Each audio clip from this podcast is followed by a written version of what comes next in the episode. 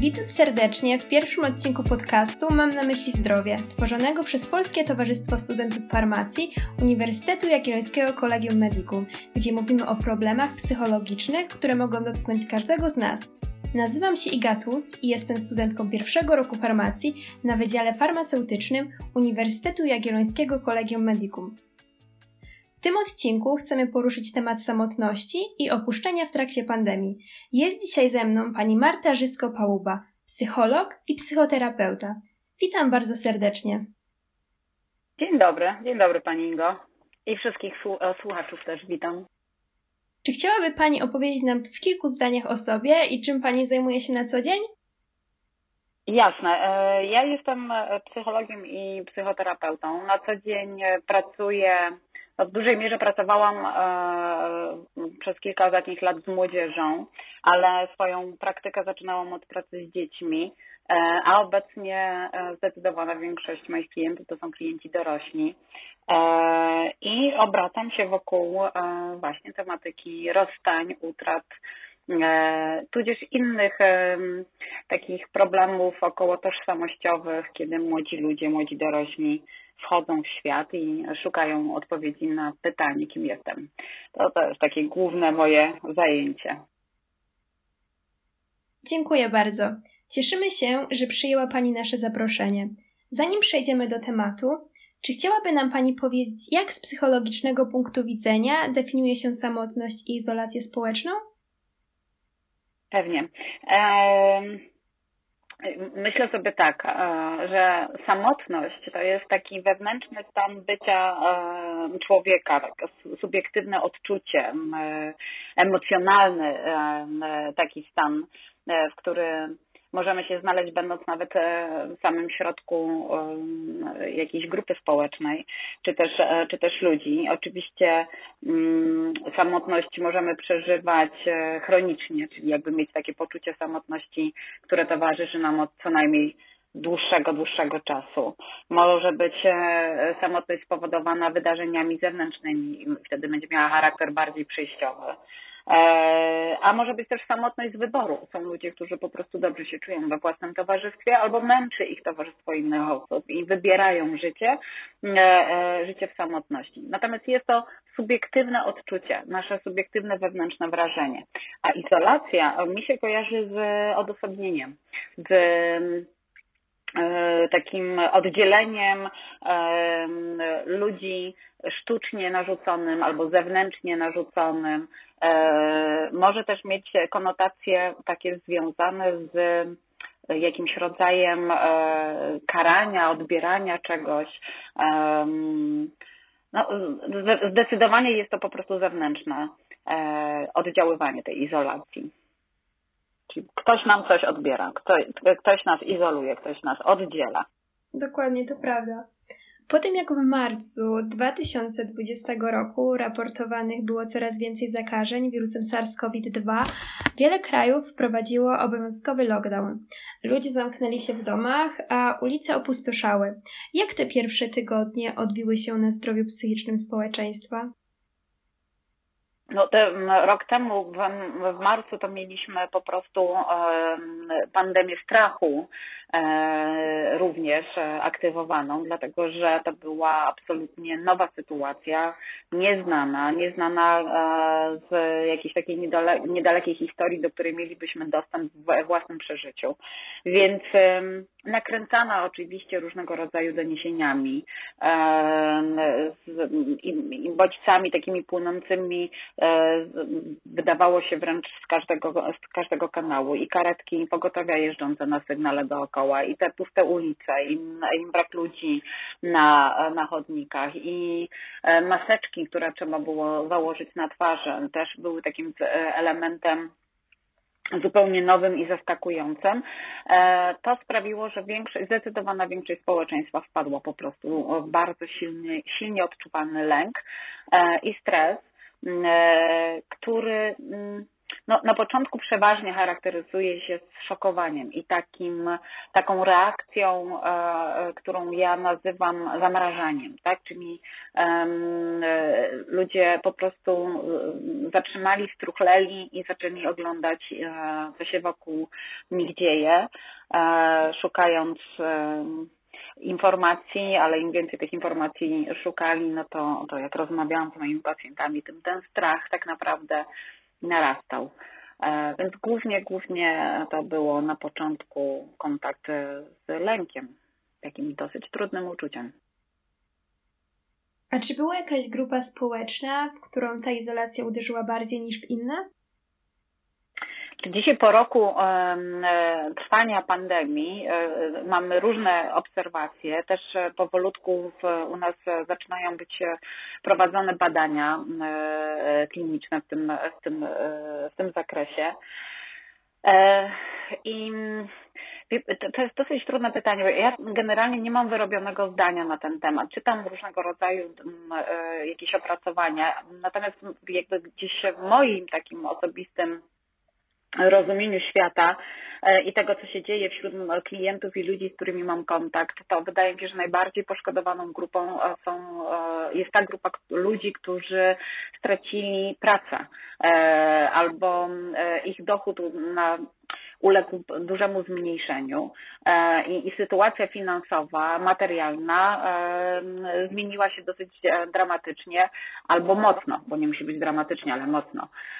A takich ludzi wiemy, że jest już bardzo dużo. Nawet chyba dzisiaj czytałam jakieś opracowanie polskie, gdzie mm,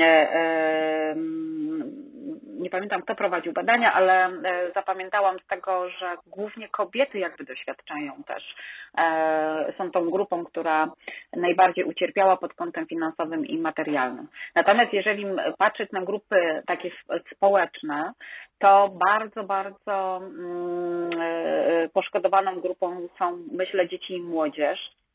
Bardzo dużo się mówi o nastolatkach, o zwiększających się myślach samobójczych, e, obniżonych nastrojach, zachorowaniach depresyjnych, E, obsesyjno-kompulsywnych i autoagresywnych i wszelakich innych, e, których, e, których się pojawia dosyć dużo. Mnie też interesuje bardzo, co się będzie działo z małymi dziećmi, bo takimi dziećmi w wieku przedszkolnym, dlatego że o tej grupie mówimy bardzo mało. Wydaje mi się, że wydaje nam się, że ta grupa jest bardzo zaopiekowana, natomiast warto się zastanowić, co się z takimi, co się z tymi dziećmi zadzieje w późniejszym czasie, jak ta mm, sytuacja zewnętrzna wpłynie na ich rozwój, dlatego że 4-5-latkowie szczególnie to są dzieci, które e, wchodzą w etap poznawczego opracowywania świata i takiego budowania swojego życia społecznego.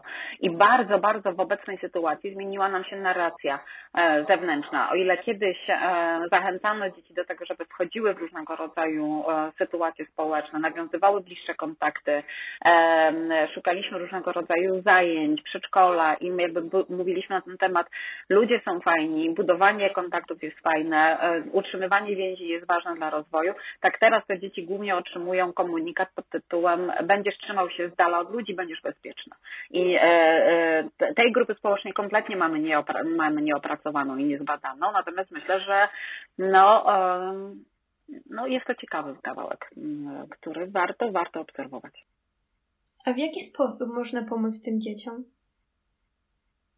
E to, no to też oczywiście zależy od grupy, od grupy wiekowej. Myślę, że strasznie dużo różnych mądrych ludzi, którzy po prostu zwracają uwagę na to, co robić. E, ja odpowiem na to pytanie odnosząc się do tego dominującego uczucia, które się nam przy pandemii odpaliło, czyli od lęku. Szczególnie, że w tej chwili jesteśmy znowu w sytuacji, gdzie drastycznie e, wzrastają wskaźniki zachorowań. Gdzieś tam w powietrzu wisi, wisi coraz częściej ludzie mówią o kolejnym lockdownie. I ponownie, e, e, ponownie kontaktujemy się z dosyć nieprzeżywanym stresem i lękiem. I to, co pomaga jakby przy lęku e, bardzo nad nim zapanować i tego warto też uczyć dzieci i o tym pamiętać, to jest porządkowanie świata. Czyli na własnym podwórku, we własnym zakresie proponuję, aby rodzice dbali o to, żeby ten świat był w miarę możliwości przewidywalny i uporządkowany, żeby był czas na naukę czy też inne obowiązki, żeby był czas na, na wspólne spędzanie czasu i e, zabawę, żeby był czas na leniuchowanie, relaksowanie się i nic, e, i nic nie robienie.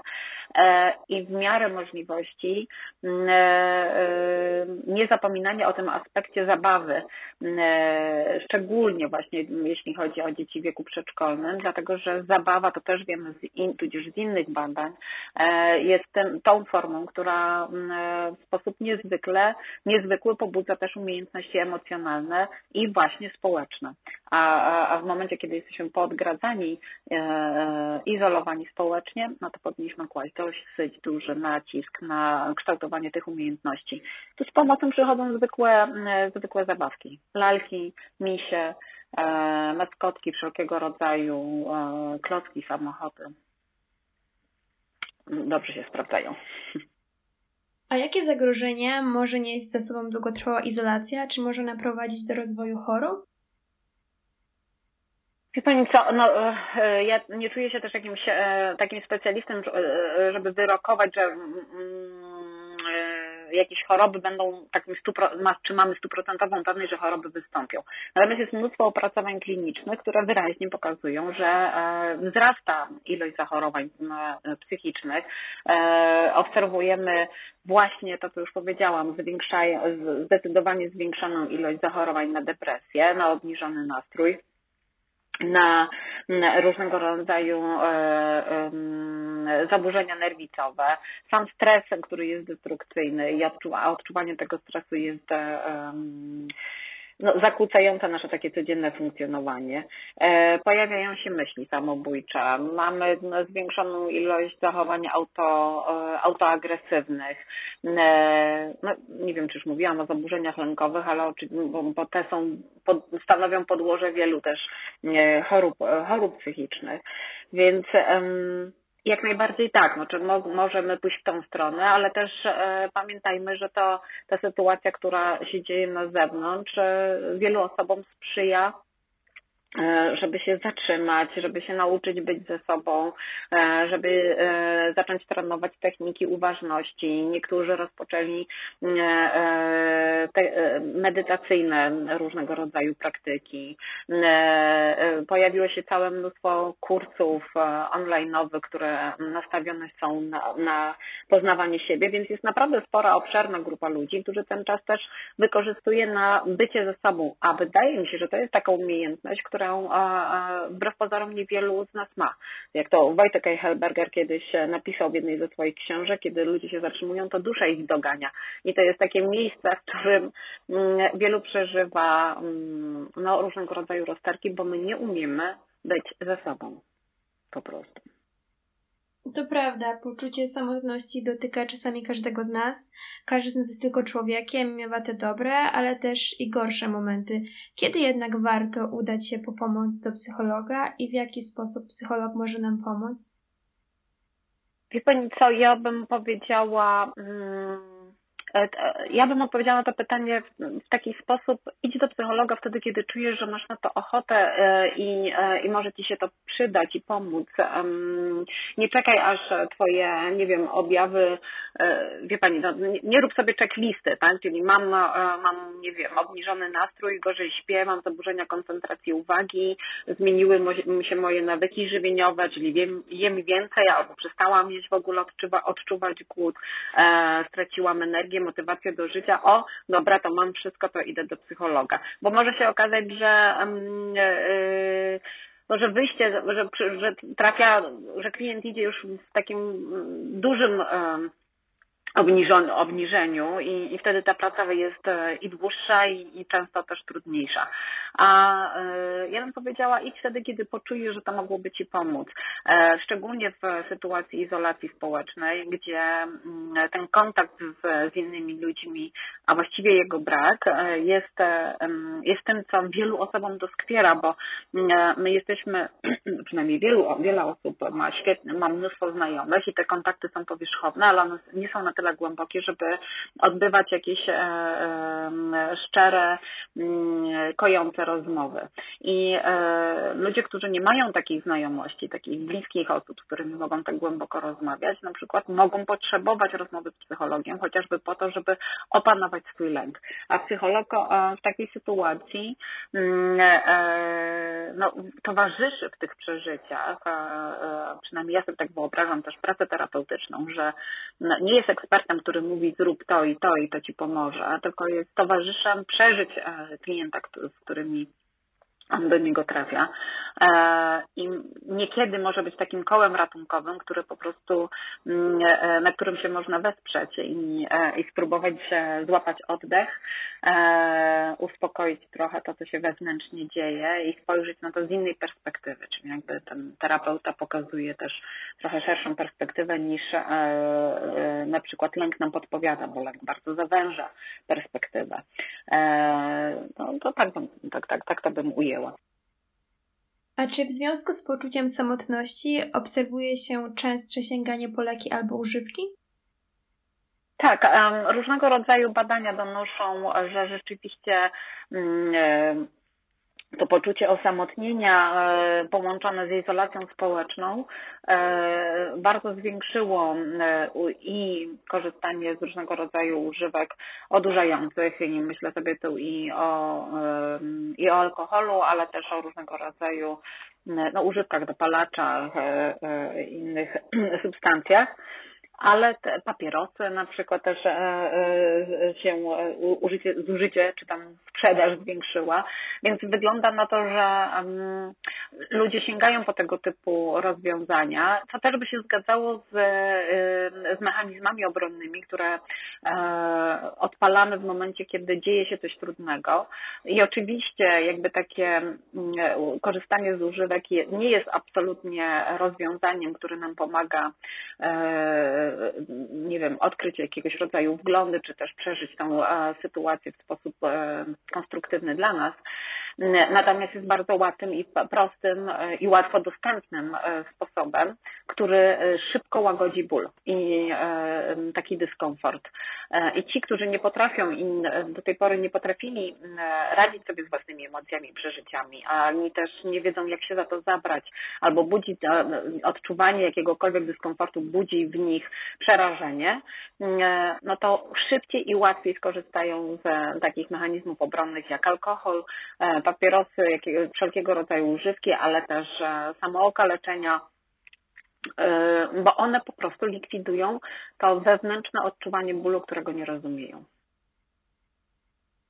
Jak też wiemy, dużym problemem może być zamknięcie w małej przestrzeni z członkami rodziny albo współlokatorami przez wiele dni, zwłaszcza w przypadku kwarantanny, i może to bardzo często doprowadzać do wielu kłótni.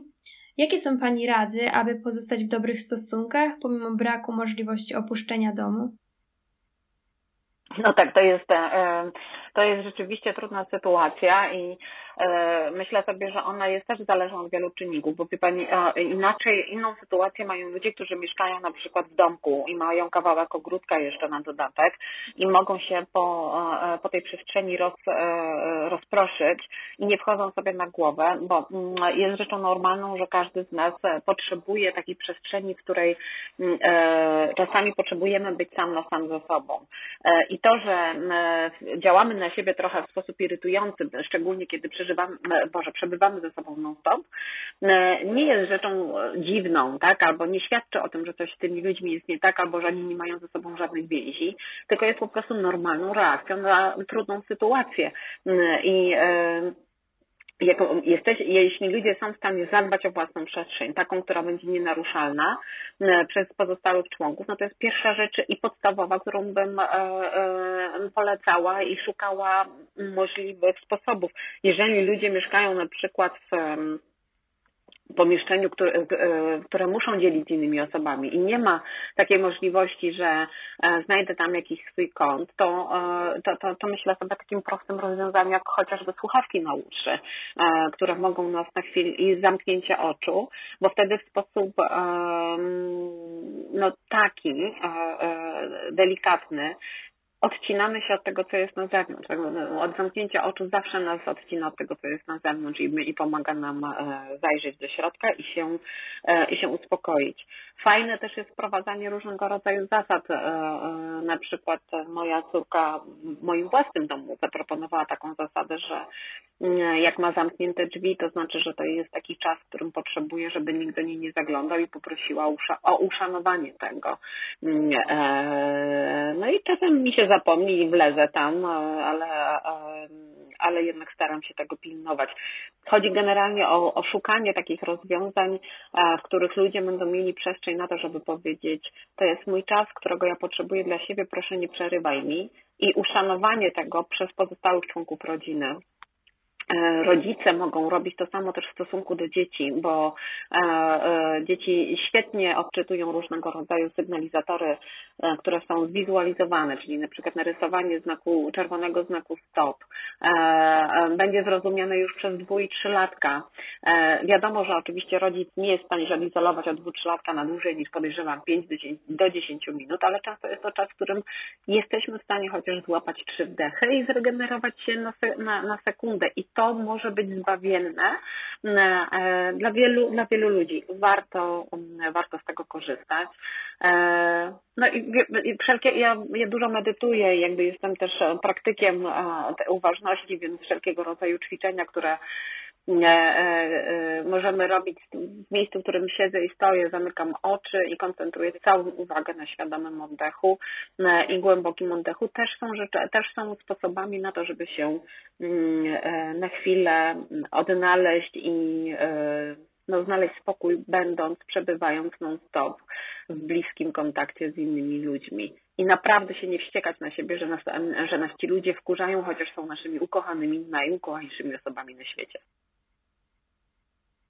Osobiście uważam też, że negatywnie na naszą psychikę mogą y, oddziaływać media społecznościowe, takie narzucanie perfekcjonizmu, nadmiar informacji napływający do nas z każdej strony i w jaki sposób, nie korzystając z komunikacji przez media społecznościowe, możemy sobie poradzić z tą samotnością?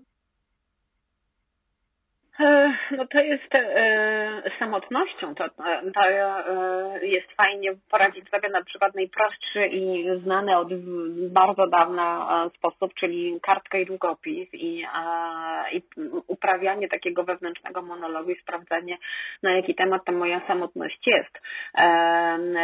Ale też ludzie wymyślają, mm, nie wiem, swego czasu sieć była zalana różnego rodzaju inicjatywami takimi społecznymi, własnymi sąsiedzkimi, gdzie ludzie, nie wiem, e, każdy na własnym balkonie e, siedział i na przykład e, wspólnie pili kawkę, tak, albo, albo śpiewali. I rzeczywiście lokalnie często ludzie się organizują mm, i spotykają i oczywiście przestrzegając wszelkiego rodzaju ograniczeń i w taki sposób nawiązują relacje, ale też jest olbrzymia grupa ludzi, którzy tego nie potrzebują i na przykład odnajdują się świetnie w, e, e, w takim odizolowaniu i ta samotność nie jest dla nich doskwierająca, a wręcz kojąca. I tutaj na przykład ja bałabym się takiego rozwiązania, znaczy takiej sytuacji, w której ci ludzie będą musieli powrócić do e, funkcjonowania społecznego, bo o takich klientach coraz więcej się słyszy, że, że E, e, no oni na przykład zaczynają się bać, że trzeba będzie wrócić gdzieś, bo im tak jest dobrze, kiedy siedzą, e, kiedy siedzą w, w domu. Nie wiem, czy to, co powiedziałam, jest już wystarczające, czy szukać jeszcze czegoś. Nie, myślę, że wszystko dokładnie opowiedziane i wystarczające. A czy uważa Pani, że w związku z odczuwaniem przez nas samotności zwraca się teraz większą uwagę właśnie na problem tej izolacji społecznej? Czy jesteśmy teraz bardziej tego wszystkiego świadomi? Znaczy, na pewno jak rozmawiam z młodymi ludźmi, to oni e, zwracają bardzo dużą uwagę na to, że ta izolacja społeczna jakby podsyciła znaczy pokazała im, jak dużą wartość e, stanowi kontakt z drugim człowiekiem i e, o ile do tej pory chodzenie do szkoły było wielkim problemem dla nastolatków szczególnie, tak wielu nastolatków marzy o tym, żeby do tej szkoły po prostu wrócić. E, czyli zaczęliśmy mówić i dostrzegać problem e, e, izolacji społecznej, tak, że jednak jesteśmy zwierzęciem stadnym, jednak potrzebujemy ludzi do tego, żeby mieć dobre samopoczucie, e, e, żeby tworzyć, żyć kreatywnie, żeby wzbudzać to poczucie szczęścia, radości. Mm, i o tym temacie mówią ludzie wewnętrznie, ludzie ze sobą, na chodniku, w pracy, w takich interakcjach zwykłych, ale też na ten temat zwracają uwagę już specjaliści, którzy zaczynają mm, E, przeprowadzać różnego rodzaju ankiety i badania i, i sprawdzają, jak ta izolacja wpływa na, na, na nasz taki dobrostan. No i wyniki nie są zadowalające, bo jednak one wprost pokazują, że ten dobrostan się znacząco pogarsza. A czy możemy spodziewać się, że odczuwana podczas pandemii samotność i właśnie ta izolacja odbije się na naszych wyborach, zachowaniach i przyzwyczajeniach w tej bliższej i dalszej przyszłości? Ja myślę, że ona się już bardzo odbija, bo um, no, wszyscy mówimy o jakimś takim dużym zatrzymaniu i spowolnieniu, ale też e, są ludzie, którzy mówią o, o znaczącym przyspieszeniu. I myślę sobie, że no, bardzo się zmieniła, zmienił sposób naszego funkcjonowania takiego konsumenckiego.